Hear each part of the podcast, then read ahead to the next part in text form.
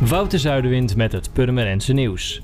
De afdeling handhaving van Purmerend kan dit jaar sneller in actie komen als inwoners klagen over vuurwerkoverlast. Bij de gemeente is dit jaar de Mijn Gemeente-app in gebruik genomen, die handhavers in de gelegenheid stelt sneller te reageren op een melding van een bewoner die de app geïnstalleerd heeft. Als ze in dienst zijn, zien ze direct na het verzenden de melding op hun smartphone. De app kan ook gebruikt worden voor andere meldingen dan alleen vuurwerkoverlast. Hoe moet het Karakietpark en omgeving eruit gaan zien? De gemeente is bezig met het opstellen van een visie op dat gebied en vraagt omwonenden mee te praten over die visie.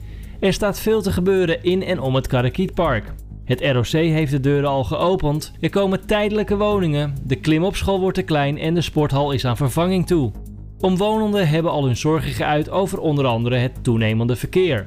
Overigens wil de gemeente niet alleen in gesprek gaan met omwonenden, ook gebruikers van de voorzieningen worden uitgenodigd. Dat gebeurt tijdens een inloopavond op maandag 2 december van 5 tot 8 in het ROC-gebouw.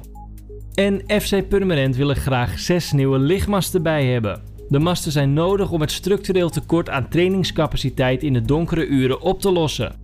Het college stelt de gemeenteraad voor om akkoord te gaan om het bestemmingsplan te kunnen aanpassen.